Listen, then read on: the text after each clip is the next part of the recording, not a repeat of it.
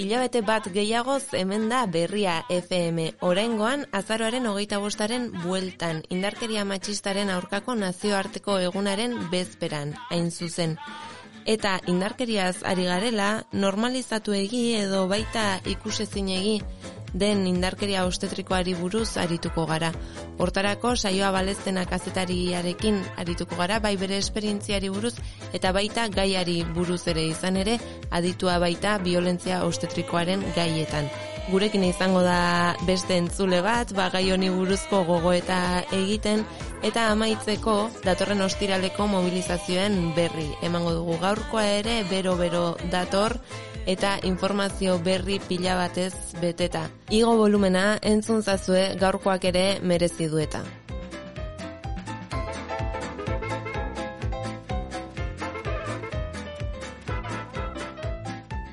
Gai honi buruz hitz egiteko, saioa baleztena daukagu telefonoaren bestaldean, e, sakontasunez hitz egiteko, baina baitare garden eta biluzteko e, esan zenidan moduan ez da saioa mila esker gurekin izateagatik saioa amatasunean aditua da, kazetaria, besteak beste argia kritik eta eldiario.eusen irakurtzeko aukera izango zenuten askok, eta baita erditza errespetuatuaren aktivista ere. Saioa, ezakite esperintzia honen guztiaren atzean, ezakite egongo den bizipenik, edo nola heltzen zaren zu, ba, gai hauek e, lantzeraino? Hau, ba, bai, egiarran, bueno, prozesu, prozesu nahiko naturala izan da. Orain arte kazetari bezala egin dudan lan guztian bizitzak ekarri dit nola baita honetara. Eta bai, e, amatasunean espezializatzeko urratxa hauek ezin bertzekoak izan dire. Batez ere 2000 eta emeretzian ni ama izan nintzelako lendabiziko aldiz. Aurdun aldi polit eta goxo baten ondotik e, erditze traumatikoa sufritu nuen. E, Bartzelorako San Pau ospitalean eta eta nolabait e, nire eskunituen e, baliabide guztiak erabili izan ditutzetik errealitate hori isilduta dagoen errealitate hori ikusterazteko eta kasu honetan kazetaritza ezin bertzekoa izan zait, eh? Orduan, bueno, e, prozesu naturala izan da eta hemen txibilkin ez posible dudana egiten. Azaroaren hogeita bosta gertu dugu, hain zuzen ere hau emititzen denerako bi eguneko faltan, indarkeria matxistaren aurkako eguna, eta indarkeria matxistaren e, atzean, bain bate violentzia eskutuko. Tartean, violentzia austetrikoa ez da. E, pixka bate entzulea materian sartzeko edo saioa, kontatuko zeniak edo definituko zeniak zertan datzan indarkera, indarkeria hori eta zuke esan duzun bezala e, jasan zenuela nola, nolako esperientzia izan zen? Bueno, azteko, nire ustez, kertzen dizudet baitare e, azaranen hogeita bortzaren bueltan e, indarkeria ostetrikoa jorratzeko e, bueno, aukera hau eman izana, e, uste dut azken aldian geroz eta gehiago solasten ari garela, ez? E, kontu, isildutako kontu honen inguruan, baino amarka da unitzetan isilduta egondu da eta eta albiste ona da uste dudalako gainera aurten bereziki mugimendu gehiago egoten hasi dela zentu honetan, ez? Indarkeria obstetrikoa da emakume batek edo e, aurdun dagoen pertsona batek e, bai aurdun aldian zehar, bai erditzean bereziki eta baita erdi ondoan ere jasaten duen indarkeria, ez? E, normalean, e, osasun sistematiko langileen eskutik jasotzen dugun indarkeria. Nere kasuan, bueno, e, aukera izango duten zulek ere nahi bali dute, nere esperientzia luze eta zabal e, argian irakurtzeko horri idatzi bainuen nere erditze e, traumatikoaren kontakizuna edo salaketa edo dena delakoa. Baina, bueno, mm, gertatu zitzaidan izan zen, nik banekien indarkeria obstetrikoa existitzen zela, terbibaz kastetaria jarraitzen nuen, eta gainera laguna dut espalditik, eta uste nuen nire erditzerako, bueno, prestatua nintzela, ez? Kontutan hartuta, e, gaur egun erditze respetatu da oraindik ere ez dela eskubide bermatu bat, baizik eta privilegio bat. Eta hala ere, naiz eta informazio hau izan, eta naiz eta pila bat irakurri honetan, konturatu orduko, e, nire erditze planean jartzen zuen guztia urratu zuten e, nerekin egon ziren osasun langileek, eta eta bueno, e, laburtzeko izan ere zaila egiten zaiten, ere erditzea laburtzea gauza honetu gertatu zirelako, hortzira larratxalde batean ingresan utu ninduten e, poltsa utzi nuelako, eta igande arratxera arte, etzen jaion ere zemea, orduan imaginatu berroita zortzi ordu hietan gertatu zen guztia, ez? Baina, bueno, e, gehien bat e, gertatu zen onartu gabeko taktu pila bat egin zizkiratela, berroita zortzi ordu hietan, eta azken finean e, gehiegi medikalizatutako erditzea izanik, e, bueno, aurra sufritzen hasi zen, eta sufrimendu fetala ikusi zioten, eta orduan urgentzezko cesarea batean bukatu zen, eta cesarea honetan, ni haietu nintzen, ba, e, antxietate krisi batekin, e, berrogeita sortzi urdu horietan sufritutako guztiagatik, eta ez ziaten utzi ez nire bikotekidearekin sartzen, naiz eta ez zegoen arriskuan ez nire bizitza eta ez da nire semearen ere. Eta gainera, e, aurra jaio zenian, eki jaio zenian, e, banandu bintuzten. Eh? Orduan, bueno, e, horren arira gainera aurrak infekzio bat hartu zuen, eta bere bizitzaren lenda biziko amarregunak e, neonatoseko unitatean pasazituen. Eta, bueno, egia errateko momentuan bertan ni ez nintzen erabat kontiente izan. Indarkeria hori jasaten ari nintzela, ze momentu bat iritsi zen nik ere e, gertatzen ari izenaren kontrola galdu nuela, e, baitan ere bikotekideak ere. Eta gerora, hilabete batzuk pasatuta konturatu nintzen, ez? Hor, zauri importante bat irekia zegoela eta, bueno, lan egiteko garaia zela. Bai, horixe galdetu behar nizunez, e, indarkeria asko e, normalizatuta daudelako eta beste asko ikusezina direlako edo inkluso salatzen direnean ere, ba ezakite, histerikatzat gaituztelako, alako egoera batean edo alako egoera baten ostean nola identifikatzen duzu? Ostra, nik e, izandako esperientzia hau, esperientzia violento bat da. Bueno, azteko, egia errateko niri hospitalean bertan, e, deitzen naiz, e, medikuren batek, edo berrantzuela, nik e, erditze traumatiko bat e, bizitua noela, eta ni horrekin gelditu nintzen, ez? Baina egia da, gero, zukerrak duzu bezala, ez? Indarkeria e, machista gehienak, bueno, gertatik ezkizunean ere normalizatuta dituzuenez, dituzunez, ba, ez, ez zara kontziente izaten, ez? Baina nik banu horra run-run moduko bat, ez? Gertatu zenaren errepaso egiten nuen bakoitzan ikusten nuen, bueno, gauzaren bat gertatu zela hor, eta hor e, mina zegola, eta orduan hasi nintzen hemen nire kazetari lanarekin segurazki, mm. e, eskatu nuen nire, nire erditzaren historia klinikoa, eta horra nintzen ikusten azteko historia kliniko horretan, ez, ez zirela gertzen nire erditzean gertatzen gauza eta esku hartzea honiz, eh?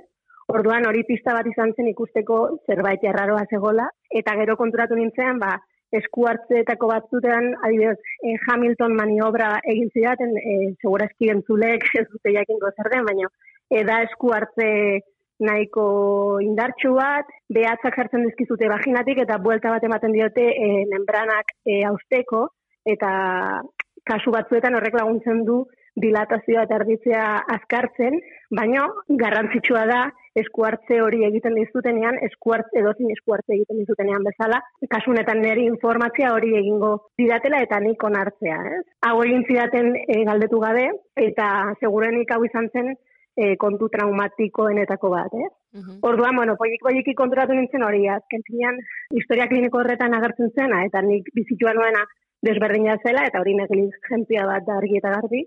Eta hor, e, aritik tirakasi nintzen, ba, nolabait gertatu zen guztiari forma eman, e, lendabizinik e, asimilatu eta ez, itzak jarri, eta gero e, salaketa moduko artikulo e, honetan publiko egin nuen, eta horra zen segurazkin ere zendaketa prozesuaren hasiera horra gontzen.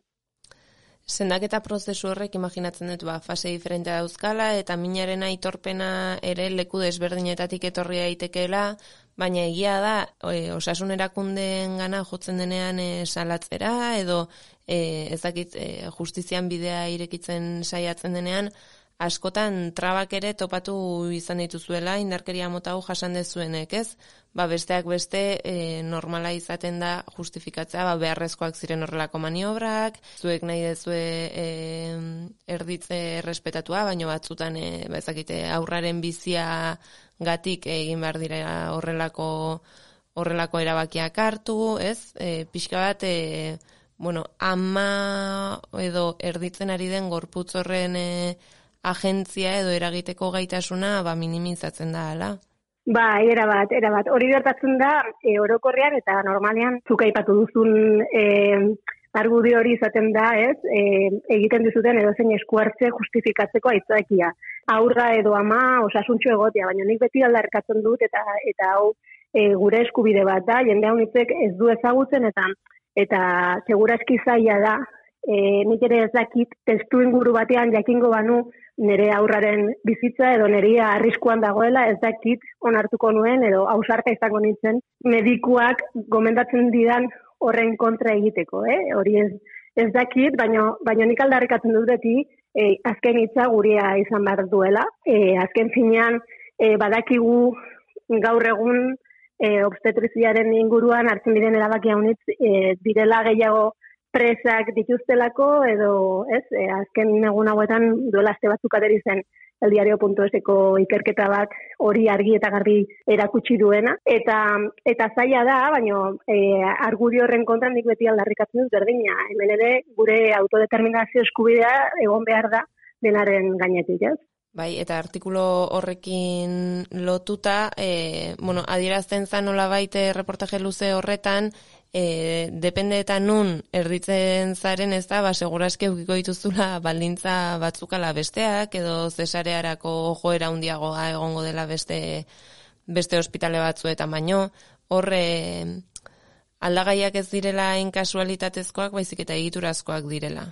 Era bat, eta gero egia da e, ospitale batean, adibidez nik kanpau ospitalean badaki tatzetik e, erditze respetatuaren aldeko kompromiso argia dagoela orain, baina egia da e, ospitale haunitzetan, ba igual seireun lagun daudela e, departamentu honetan lanean, eta seireun lagun horietatik denek ez dutela berdin jokatzen, ez? Orduan, niri jende haunitzek e, galdetzen dite, ah, pues, ez dituko dut, ez dit, e, ospitale honetan zertuko nez espitale honetan.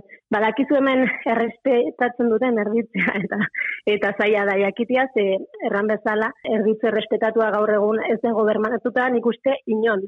Eta horregatik jende haunitzek, emakume haunitzek, erabakitzen dute azken finean etxean erditzea. Uste delako han seguruago egongo direla ospitale batean baino. Jarraituko dugu e, salaketa eta aitortza horrekin Ze besteak beste, e, nahi alkortaren kasua agian e, 2012 garren urtean e, Donostiako ospitalean indarkeria obstetrikoa jasan zuen e, Andre honen kasuak hartu du kaso oi hartzuna hundiena urte hauetan zehar, Eusko Jaurlaritzako osasun sailak eta osakidetzak ukatu egin zuten alkortak indarkeria hori jasan izana, baina nazio batuen erakundearen emakumearen diskriminazioa eta desagerrarazteko batzordeak e, alkortaren aldeko ebazpena eman zuen, beraz, e, nire galdera da, ezakit zure kasuan nundik etorri den e, aitortza hori, eta osatze prozesu horretan, zure bide propio egiteaz gain, ba, zeinen onespena edo e, beharko zenukeen.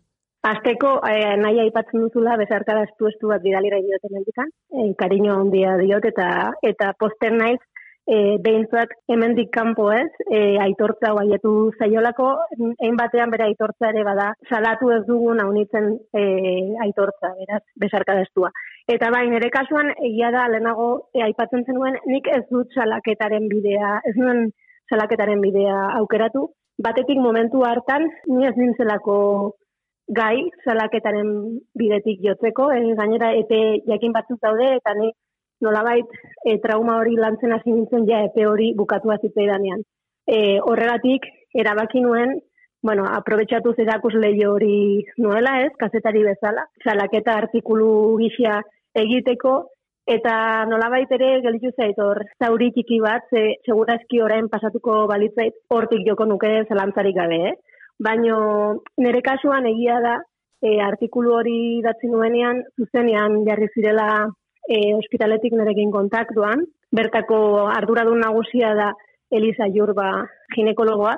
Eta bera nire, nire bueno, e, proposatzean bilera bat egiteko, ni hor beldurtu nintzen hasieran, baina labait e, hortik jaso dut aitortza, bera izanik bertako Sanpago Hospitaleko e, ginekologoen arduradun nagusia, e, berak hartu zuen historia klinikoa eta ikusi zuen e, nik e, salatzen nuen hori dena, ba, zuzena zela eta nolabait bere taldeak ez zuela ongi jokatu, ez? Orduan, Niretzako hori izan da zinbertzeko eta beti aldarrikatzen dut horregatik kontutan hartuta bizi garela gizarte batean oraindik ere beldurra ematen diguna, eh? Salak, jasaten ditugun indarkeria hauek salatzea, zeinen garrantzitsua den salaketa hauek jartzia. Nik nire inguruan ere e, oroitzen ez jendeak erraten la ostras, nola salatuko duzu gainera San Pau bezalako e, ospitale bateko lana, ez? Ze, batzutan uste dugu hori medikuak direla, bueno, botere gehien dutenak, eta beldurra dugu paus hori ematera, baina e, nire kasuan adibidez, e, gertatu zen nire salaketaren aldi, e, nire salaketaren aldira, eurek ere e, protokolo batzuk aldatu zituztela, ez? Horregatik da hain garrantzitsua, salaketa hori egitea edan noski emozionalki ere, niretzat garrantzitsua izan zen, e, San Pau Hospitaletik barkamen edo kompromiso hau jaso izana, ez? Okerrez, bai, gainera, hori, ginekologia eta ostetrizia e, arduradun gorena edo, elkarrizketatu duzu?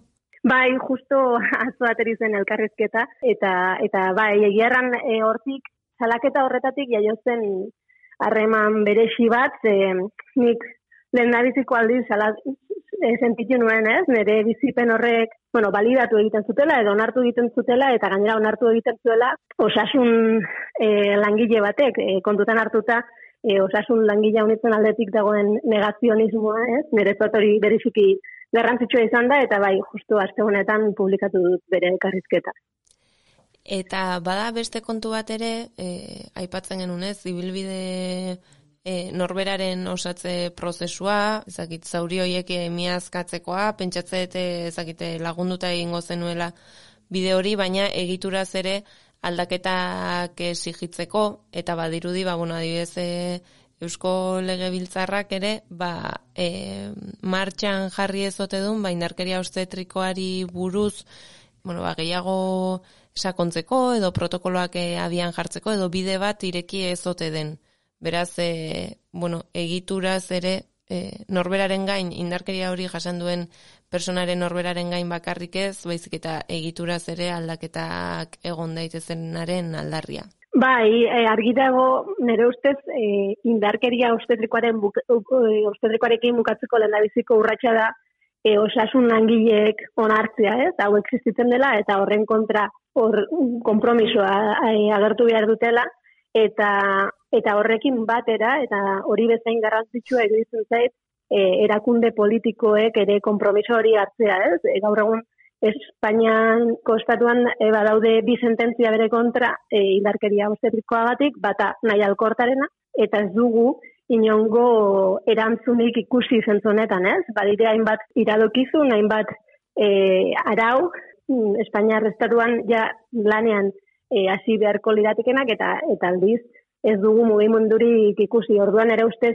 Eusko Legebiltzarreko urratsa hau ezin bertzekoa da, e, Kataloniako parlamentuan ere e, sartu zuten hor indarkeria matxistaren legiarekin batera eta eta nik uste dut e, zinbertzeko urratsak direla, baina urruti gaudela. Eta iruditzen zait nik ere lan egin dudalako batez ere Katalunian, Barcelonako udalarekin eta baita generalitateak ere hainbat nolabait e, indarkeria obstetrikoa garaitzeko e, hainbat politika publikoekin eta e, egin ditut hainbat bilera eurekin eta ikusten dudana da oraindik ere ez dela lentasun bat, eh? Orduan nire ustez e, ezin bertzekoa da, e, gainera lehenago aipatzen zuen e, Lisa Jurbaren elkarrizketa hain zuzen berak eta hori da titularra, berak aldarrikatzen duena da hori, ez? Orain konpromiso politikoa behar dugula, ze kompromiso politikorik gabe eta baliabiderik gabe zingo da aurrera pausorik egin. Hortxe eskaera e, instituzioi eta berriz ere txikira etorrita edo norbanakoaren esperientziara etorrita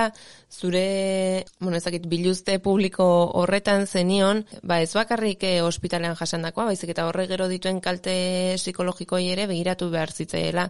Gutxi hitz egiten da, ezakit gutxi, baina gutxi e, kontuan hartzen da agian erditze osteko depresioa ere, eta akaso batzuetan depresio horrek e, barruan ezkutatzen duen erditze traumatikoa ez da? Era, ba, nire ustez, bueno, badakigu osasun mentala tabua dela eta antzia dago gizarte honetan, eta amatasunarekin lotutako osasun mentala are gehiago, ez? Beti gertatzen den bezala. Orduan, e, gaur egun egiarran Euskal Herrian ez dakit orain nola dagoen panorama nik e, jarraipen guztia Katalunian egin izan egin dudalako, baina erranen nuke antzeko egoera dela, eta nire kasuan nik erreagutu behar izan duen psikologo baten jarraipena, zei bete gerora eman zidaten itzordua psikologo batekin, baina eurekin adibidez, adibidea bat jartzeko, e, bisitak ziren hilabetean behin amabot minuto. Eta ezinezkoa da horrelako trauma bat, kondizio hauekin e, gainditzia, ez? Orduan, noski, azkenian utzi nuen alde batera baliabide publikoari, eta nire, nire sakeletik orain behar izan du, e, ba, emozionalki behar izan dudan e, guztia. Eta noski hemen ere, ezin bertzekoa da, jarraipen duin bat ematea, ez? Ja ez bakarrik e, indarkeria ustetrikoa sufritzen dugunentzat, baizik eta nik uste dut amatasunak bere horretan iraultza bat da eta bizitzan hainbat aldaketa ekartzen dizkigu, e, gainera amak gara amatasuna antzia duen e, gizarte batean eta eta nik uste dut jarraipen emozional hau eta psikologiko hau denon, denon eskubide bat izan beharko litzatekeela. Eta sendatze prozesu hortan, zeina ezen publikoki e, finantziatua izan, iten duzu urrats bat, ez, ezakidan e, zauria isteko, edo, edo zure gorputzari eta zure esperintziari e, ba beste aukera bat emateko, baina erabakitzen duzu bigarren aurra zer ditze ere ospitale berean.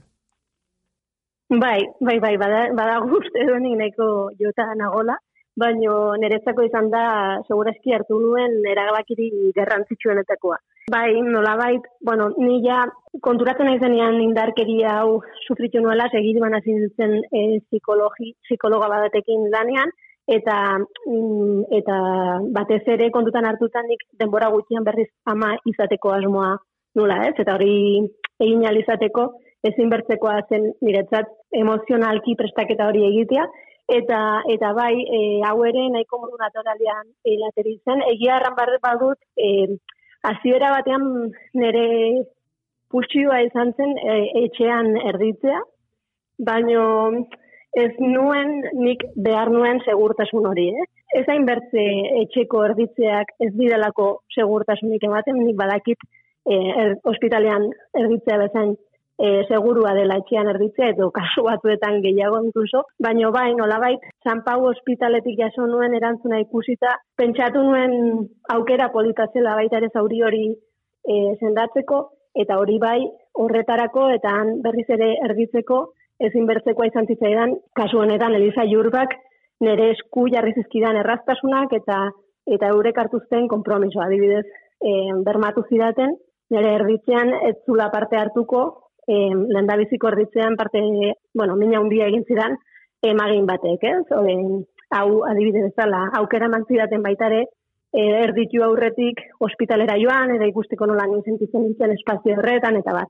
Bueno, posible izan duzen, hain zuzen ere, ospitalearen kompromiso hau izan duelako, baino, hemen beti guztan zait baita ere aztimarratzea, zoritxerrez hau ez dela, denok dugun mm, eskubide bat edo aukera bat, eta eta horregatik e, nik ezin dut eskua zutan jarri ez, eta erran, bai dira, San Pau hospitalea joate mali mazara, seguro izango duzula erditze mm -hmm. bat, nik lehen da biziko kasuan adibidez ez nulako horrela bizitu. Eta ala ere, e, elkarrizketa prestatzerakoan e, esaten dizunean, e, bueno, zen izan daitezke e, ba beste perspektiba batzuk, ezakite mm, me, e, medikalizazioa, bueno, medikuntzaren begirada patriarkalak eragina du hontan eta bueno, horrelako gauza planteatzen izkizunean esaten zenean, bai, baina importantea da hala ere, ba, ginekologoen eta ostetrizien e, edota emaginen lana e, kontuan hartze, ez, ez errefusiatzea, ez? E, kontua da lan hori nola egiten den, esaten zenean. Ba, ez, niri gertatzen izan dut zait, ez? Indarkeria obstetrikoa txalatzen dudanean, jendeak erraten dela, bueno, baina eski badago, edo jendeak garrantziak entzen dio zure diskurtsoari, e, uste dulako lehenago aipatzen zenun bezala, ez? Histerika batzuk garela edo, edo gustuz kejatzen garela. Baina niretzat garrantzitsua da, eta uste dut ere politikoki erabaki nuela, han, erabaki politikoa izan zela, e, bigarren erditzean han izatea, zenik sinesten dut elkarrizketa honetan, ez? Osasun langileen, politikarien eta emakumeon elkarrizketa honetan, indarkeria obstetrikoarekin bukatzeko bide horri bezala, ez? Eta, eta uste dut hau garrantzitsua dela, zer ozein ez e, gatazkatan gertatzen den bezala, elkarrizketa hori gabe, zaila izanen da gauzak aldatzea. Eta nolabait, nik beti eskertzen dut, beren lana ongi egiten duten profesionale, profesionalen lana, ez? Uste dut hori ezin bertzekoa dela, eta adibidez, Elisa Jurbaren kasuan ere ustez, adibide argia da, eta bera bezala, egungo dire, bertze hainbat ere. Zoritxarrez, oraindik ikusten dugu erakunde, medikuen erakundeek, errefusatu egiten duela indarkeria obstetrikoa, baina horregatik, nik uste dut, onartzen duten profesional lauen lana, ezin bertzekoa dela, ba, aktivismo honetan aurrera egiteko. Mm. Eta hain zuzen iruko elkarrizketa hori hortan sinisten duzulako eta seguraski zure esperientziatik e, egin dezakezun ekarpena intzat hartuta, orain besteak beste ba alako ezakite facilitazioak edo e, bide horrietan laguntzeko lanak ere egin izan dituzu aipatu dituzu erakunde batzuk ezakit norbanakoekin ere lan egiten dezun. Bueno, iarren azteko hasi dintzen e, Katalunian Bartzelonan bizi nintzela, e, bai Bartzelonako udalarekin eta bai generalitateak ere elkarrizketak izaten, ikusteko ja ze aukera zegoen horra horrela egiteko, iarren izugarri zaila da erakunde publikoekin lan egitea, eta horretaz aparte, e, bai ni mm, berdin, e, modu naturalean ere, batez ere nire salaketa publikatu nuenetik, jendea unitzek idatzi ditez, e, makume unitzek erran ez, ostras, kenedi pasatu zitean berdina, eta orain arte, e, ez nahiz gai izan, indarkeria ostetrikoa e, bizitu nuela onartzeko, edo, edo inkluso e, itza jartzeko, eh? ze batzuetan hori kentzen diogu garrantzia, eta dugu, bueno, esken edikuak hori erran balen badu. Orduan hortik entzinera bai egin nuen formakuntza bat doula gisa, eta, eta hortik aurrera aritu naiz emakumeekin ere lan egiten. Bai prestaketa, bai erditzerako, erditze respetaturako prestaketa egiteko, eta baita gero indarkeria sufritu dutenekin ere, bai ikusteko ze aukerak dituzten. Zenen ustez, arazo garrantzitsunetako bat da, azteko hori, beldurra dugula, ez? Gertatu zaiguna salatzeko, eta salatzen bagin badugu, ez dakigu lan oraio. Batetik osasun mentala zigortua dagolako, eta bertzetik legalki ere desinformazio ikaragarria dagolako. Horregatik, e, orain bertan ari nez, hain zuzen ere Katalunian, bueno, psikologa, nua klinik psikologoen klinika batekin, eta Marta Busquets abokatuarekin, Marta Busquets da Dona Jum elkartearen e, presidentea, bera e, referentea da errespetat, erditze respetatuaren aldeko borrokan, eta eta eurekin batera zerbitzu bat, e, proiektu bat abiatu dugu, hain zuzen ere emakume hauei aukera hauek emateko, ez? Bale, hau gertatzen zu, e, jarriko dizkiogu hitzak eta hemendik aintzinera ze aukera dituzu bai psikologiaren aldetik eta baita alde legaletik ere.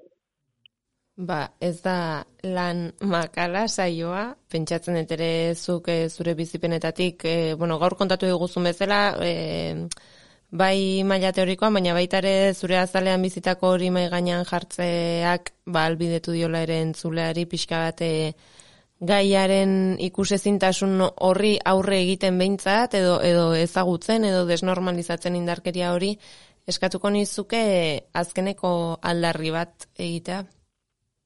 Bueno, ni, ni obsesionatu nago bizkot honekin, baina niretzat e, erakunde politikoen kompromisoa ezin bertzekoa iruditzen zaita berriz ere hemen joko nuke ez. Bueno, batetik, e, nire ustez, garrantzitsuena elkarrizketa hau aditzen duen emakume edo pertsona batek bere bizipen mugitu arazi badio edo edo uste badu berak ere alako esperientziarik jaso zuela, e, animatuko nioke mm, posible eta behar duen einean, beldurrik gabe solasteko eta hitzak jartzeko, mm, behar bada, inkluso beretzat idatzita, eh? batzutan ez da zergatik publiko egin behar, baina bain, ere ustez, biztaraztea da aldarri nagusia, eta hortik aintzinera, favorez eta mesedez politikariren batek aditzen malen badigu e, egitazko kompromisoa hartzea, ze gainera, bueno, sistemaren errentagarriagoa da, e, respetatze duinak bermatzea, gero, kalte hauek eragiten dituzten minak eta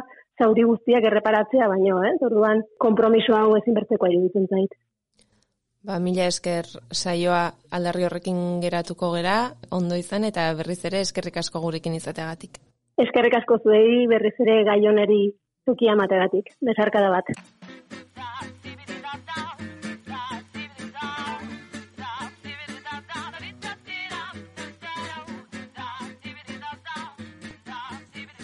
Kaixo Maider, bueno, mira, eske, que, mira, em, es, es gara, segotzen baina, lenguan sari bat jasotzen ikusi zintu da, podcast feminista do, egiten zen jakin nuen, eta esan dut, jo, bat, deitu ingo jo, ze, a ber, beste irrati guztietan jaztia te, telefono hartzen, eta, bueno, e, e, entzun dut, gaia dala, eh, violentzia obstetrikoa ez da, ba, bida, justo, honekin, lengu egunean elkarrizketa bat entzun nuen, terraza bateko ondoko mailan, eta bida, zurekin partekatu nahi dut, Zen, barruan gelditu zait, gau nire inguruan ez dizkite ja gauza kontatzen usten nire batalitak, bo, eta oain hau bizit txapa soinean izan da, ba, inoiz baino gogotxuago nabil gauza kontatzeko. Berarri presten bilatera, naiz, eta baino badirudi, ba, ba, ies iteiate, ez? Zan diate, hau bizit txapa naizela, ja, txap. Bueno, bueno, bueno. A ver, labur bilduz. Zuri kontatuko diskursu dela, eh? Nere, nere, nere gauzatxoak, eh? Bueno, ba, beizketan ari ziren ondoko mailan, eta aurdunaldi eta erditzeaz ari ziren. Bia, kasualitatea, eh? Eta ginekologoak, eta emaginak, eta... Bueno, eta batek bota zuen berak erditzen naturala izuela. Aintzinean egiten zen bezalako erditzea. Eta orduan beste galdetu zion. Aintzinean, noiz, zorioneku, garaian erditzen zen bezala. Eh, igual mendira joan eta han bakarrik zuaitzen artean? Bueno, txika, nola zean, bestiak, ez? Aintzina, ba ez dakit noiz, ba naturala, etxean, eta hortaz dakiten emakumez lagunduta. Bueno, ba ez dakit zen aizun esatea, orrun bestiak. Nik etxean ez daukat toki egokirik, eh? Ta koltsoia egia zen erosi berria, pa igual ez da guain odolez ikintzeko momenturik egokiena. Ta, mira, etzan da edo eseri eta tankak luzatu eta ukitzeko, ba ez daukat beste txokorik etxean, pues etxe txikia da hain eska, etxean edozin lekutan, nik ezagetzun dudan bat, etxeko trastero txikian aurkitu zuen leku egokia. Gorputzak hor goxo-goxoko egoteko eskatu zion, gorputzari kasu egin, eta horre erditu zen, eta dena super ondo. Ah, bai, bueno, ba, nik ezagutzen dut beste bat dena inondo joan ez itzaiona etxian, eke bukatu zuen ospitalean.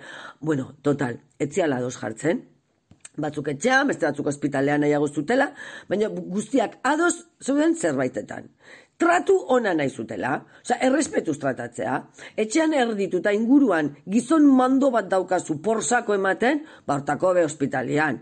Baina hospitalian bat zaude, eta bertako profesionalen bat zakarra delako, eguntxarra daukalako, zu baino gehiago dela uste duelako, zuri garrasika, zu aur bat izango bazina bezala tratatzen, ba igual hobetxean makarrik, ez? Eta, bueno, pues, hola, etzian ados jartzen, baina ondorio bat iritsi, iritsi zen ondorio bat, eta, eh?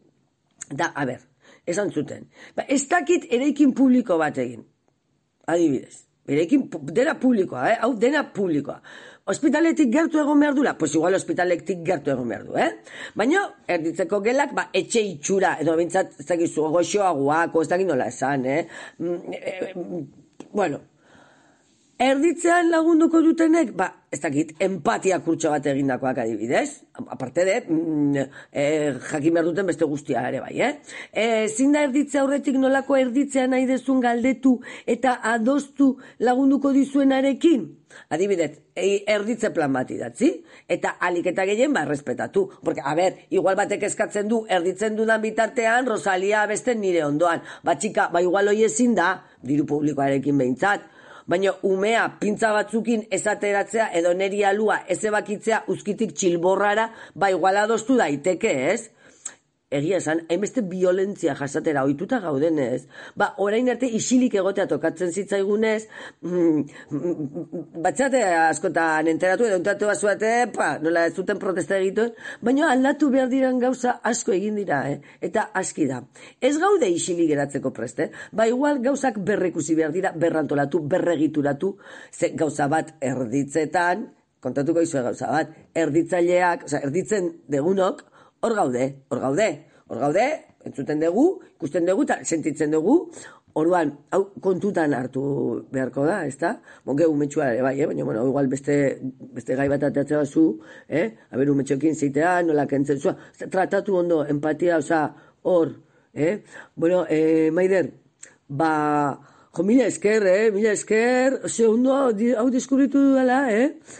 Em, deitu gehiagotan, eh? Nei, esan gaiak, esan gaiak, eta nik, konta, bueno, ni, buah, gai guztitan, buf, asko dakit, eh? Zu, nahi, bota gaiak, esan, urrengo, urrengoan zer dakazu, zer gai da, gaza edo elektrizitatea, nik hor da zitzen guzut, zein da urrengo gaia igual, eh? Eguraldia, oso ondo, eguraldiaz, ba, me, me. Bueno, maide, zorionak, eh, sarian gatik, je, que, que, que grande, aize un día, genia, venga, maravilla, buxu. Hain zuzen ere, saioak aipatu du askotan ez datorrela aitortza hori erakunde eta justizia egituretatik, eta beste mota bateko prozesuak bilatu behar direla osatze horretarako. Eta aurten mugimendu feministak azaroaren hogeita bostaren arira, beldurra eta kontrolaren aurrean justizia feminista leloa aukeratu du manifestazioak egiteko. Iruñean, arratsaldeko zortzietan izango da gaztelu plazatik abiatuta. Gazteizen, zazpiretan San Anton plazatik hasita. Bilbon, zazpiretan Jesusen bihotzetik Baionan bostetan Roland Bartes zelaigunetik hogeita zeian hau, azaroaren hogeita zeian eta donostian zazpietan bulebarretik. Iruña gazteizen Bilbon eta donostian azaroaren hogeita bostean eta baionan hogeita zeian. Besterik ez, zaindu zaiteztetela bizi aski izan buru aske eta asko gozatu datorren hilabetzea ere.